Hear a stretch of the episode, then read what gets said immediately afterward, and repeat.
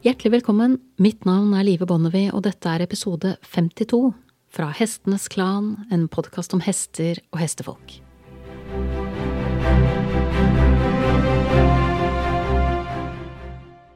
Episode 52 er en milepæl for meg som podkaster. For den markerer ettårsdagen for denne podkasten, og det har vært litt av en reise. Ambisjonen da jeg startet, var å utgjøre en forskjell for hestevelferden, og utfordre både deg og meg selv til å se bedre etter. Både når det gjelder hvordan vi holder hesten, behandler hesten, og hvordan vi trener hesten. Som skaperen bak denne podkasten så har det vært en veldig viktig drivkraft for meg å treffe nye hestefolk. Ikke bare nasjonalt. Med gjester fra tre ulike kontinenter treffer jeg også nye hestefolk internasjonalt. På min engelske søsterpodkast Clan of the Horses så har jeg invitert gjester som på ulike måter tilfører ting jeg tenker har verdi for hestefolk. Andrew MacLean, som snakket inngående om hvordan hesten lærer, argumenterte for hvorfor teorien om underkastelse og dominans ikke gir noen som helst mening når man trener hester, noe jeg opplever som et ganske relevant stykke informasjon å ta med seg i våre dager, all den tid vi også i Norge har flere operative trenere som kjører på med metoder som er bygget på nettopp dette litt skakke og mangelfulle fundamentet, og fortsatt tenker at dette er en god idé. Jeg har snakket med Anna Blake, som er den rake motsatsen til dominans og underkastelse med sin affirmative training, som på norsk kan oversettes med støttende eller oppmuntrende trening. Her er målet å bygge hestens selvtillit og trygghet stein på stein. Så er det Dave Tinn som snakker om hvordan Feldenkrais-metoden kan gjøre oss til bedre ryttere, Stormy May, regissøren av dokumentaren The Path of the Horse, som utfordrer oss på om hester i det hele tatt bør gis.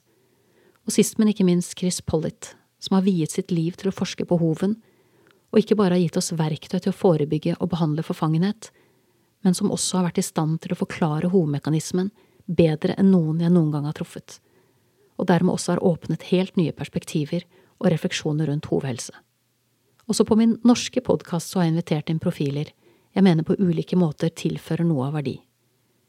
Jeg har blant annet snakket med dressyrrytteren Per Våler og dressurdommeren Torunn Knevelsrud, for å få et innblikk i en sport som de siste årene har blitt stadig mer omdiskutert.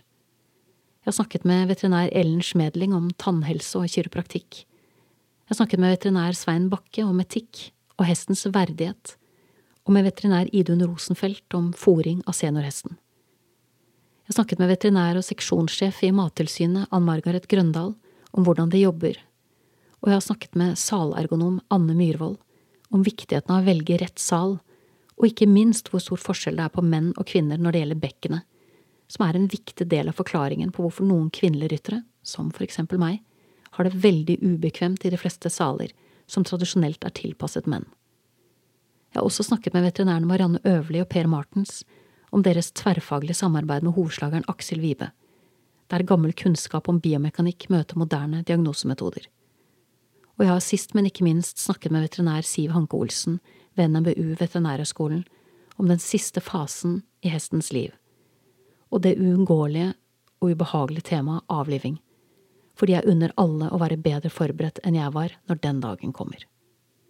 Uten alle disse stemmene og disse ulike perspektivene så ville denne podkasten blitt en helt annen historie. Det er ikke det at ikke jeg kan snakke i timevis om hest selv, men man blir ikke så mye klokere av å nøye seg med å snakke med seg selv. Snarere tvert imot. Så jeg kan ikke få understreket hvor takknemlig jeg er for den tiden og den velviljen alle gjestene mine har stilt til disposisjon for å bidra til det som er grunnfjellet i denne podkasten. Å by på perspektiver, men ingen fasit. Tanken er at du som lytter selv skal få muligheten til å reflektere over ditt eget hestehold, og ikke minst treningsmetodene du har valgt. Min filosofi er at jo bedre vi forstår hesten, og oss selv, jo bedre velferd kan vi tilby. Når vi vet bedre, så gjør vi bedre. Jeg vil også benytte anledningen til å takke alle som har kommet med innspill, refleksjoner og spørsmål til podkasten underveis og jeg vil gjerne også få komme med en oppmuntring til lyttere som føler seg ensomme i sin tilnærming til hesten, fordi de befinner seg i et miljø som er preget av ambisjoner og prestasjoner. Trøst deg selv med at du er ikke alene, selv om det noen ganger kan kjennes sånn ut. Ambisjonen med denne podkasten er også å åpne for dialog. Og det er viktig å si at jeg har ikke sittet alene med alle tankene mine om hester opp gjennom årene. Jeg har vært så heldig å være en del av et kvinnefellesskap, i mangel av et bedre ord, der vi har kunnet møtes ganske jevnlig gjennom nesten to tiår for å diskutere etikk, velferd, relasjon, kommunikasjon og trening av hest. Vi har dratt på klinikker sammen i inn- og utland, og vi har tilbrakt helger, kvelder og netter med å snakke om det vi har sett, og dekode det etter beste evne.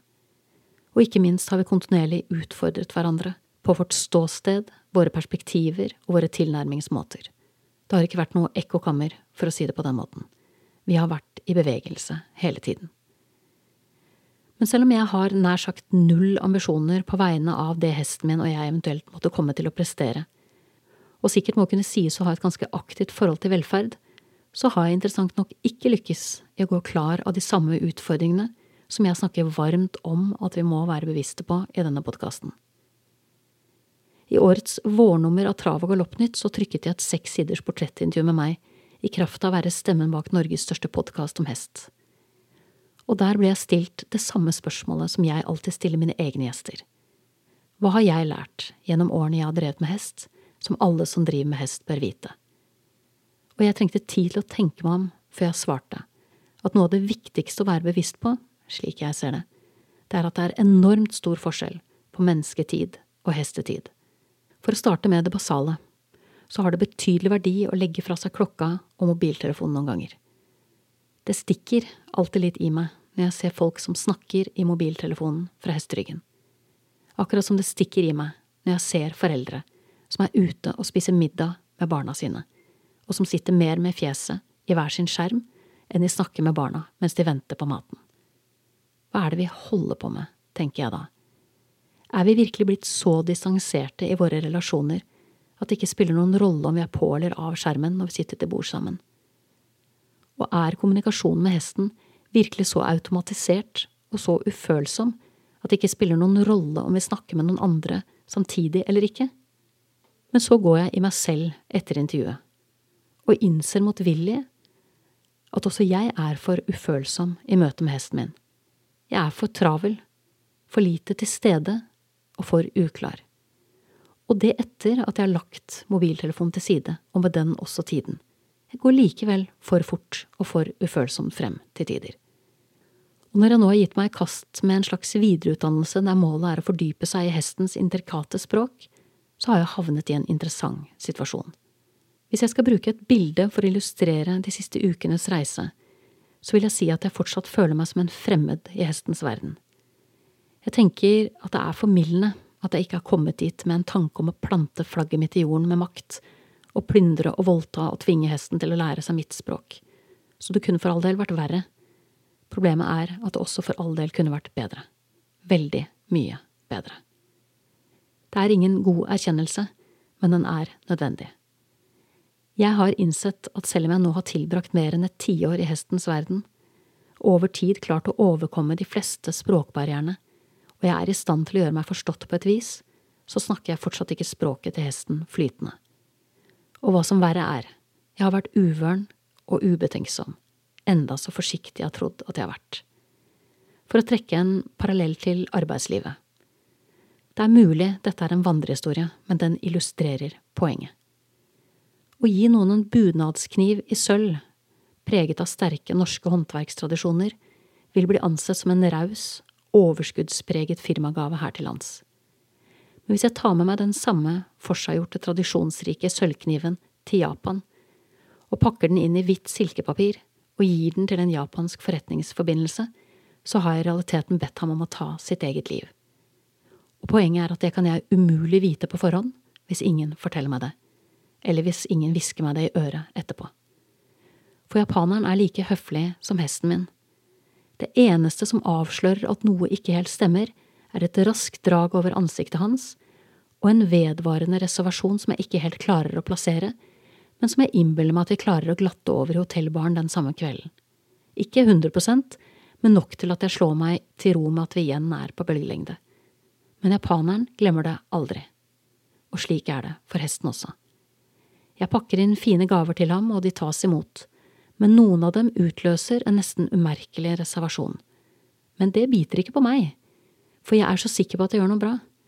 Så jeg pakker inn neste gave og neste og neste, og de er alle fulle av gode intensjoner, men noen av dem krever mer av mottakeren enn jeg er klar over. I så måte så har jeg tenkt at jeg har et behov for å bruke denne episoden ikke bare til å takke, men også til å be om unnskyldning. Både til deg som lytter på denne podkasten, og til hesten min. For å ta hesten først. Jeg ber om unnskyldning for at jeg med mine gode intensjoner, min gode vilje og min tilsynelatende uendelige tålmodighet og evne til å ta ting langsomt er verken tålmodig eller langsom nok. Langt ifra. Jeg ber også om unnskyldning for at jeg ikke fullt ut har vært i stand til å forstå hvor ulike vi egentlig er, og at det som for meg har vært en hyggelig gest, noen ganger for deg har vært en krenkelse, et ubehag eller noe du har hatt behov for å riste av deg. Jeg er lei meg for at jeg ikke har sett det før. Jeg er lei meg for at det som for meg er sakte film, fortsatt er noe som spilles av i altfor høy hastighet for deg. Jeg lover å bli flinkere til å legge merke til de små tingene og jeg lover å forklare en del av tingene jeg trodde du hadde forstått, på nytt, men denne gangen på et språk som gjør det enklere for deg. Og så var det deg, kjære lytter.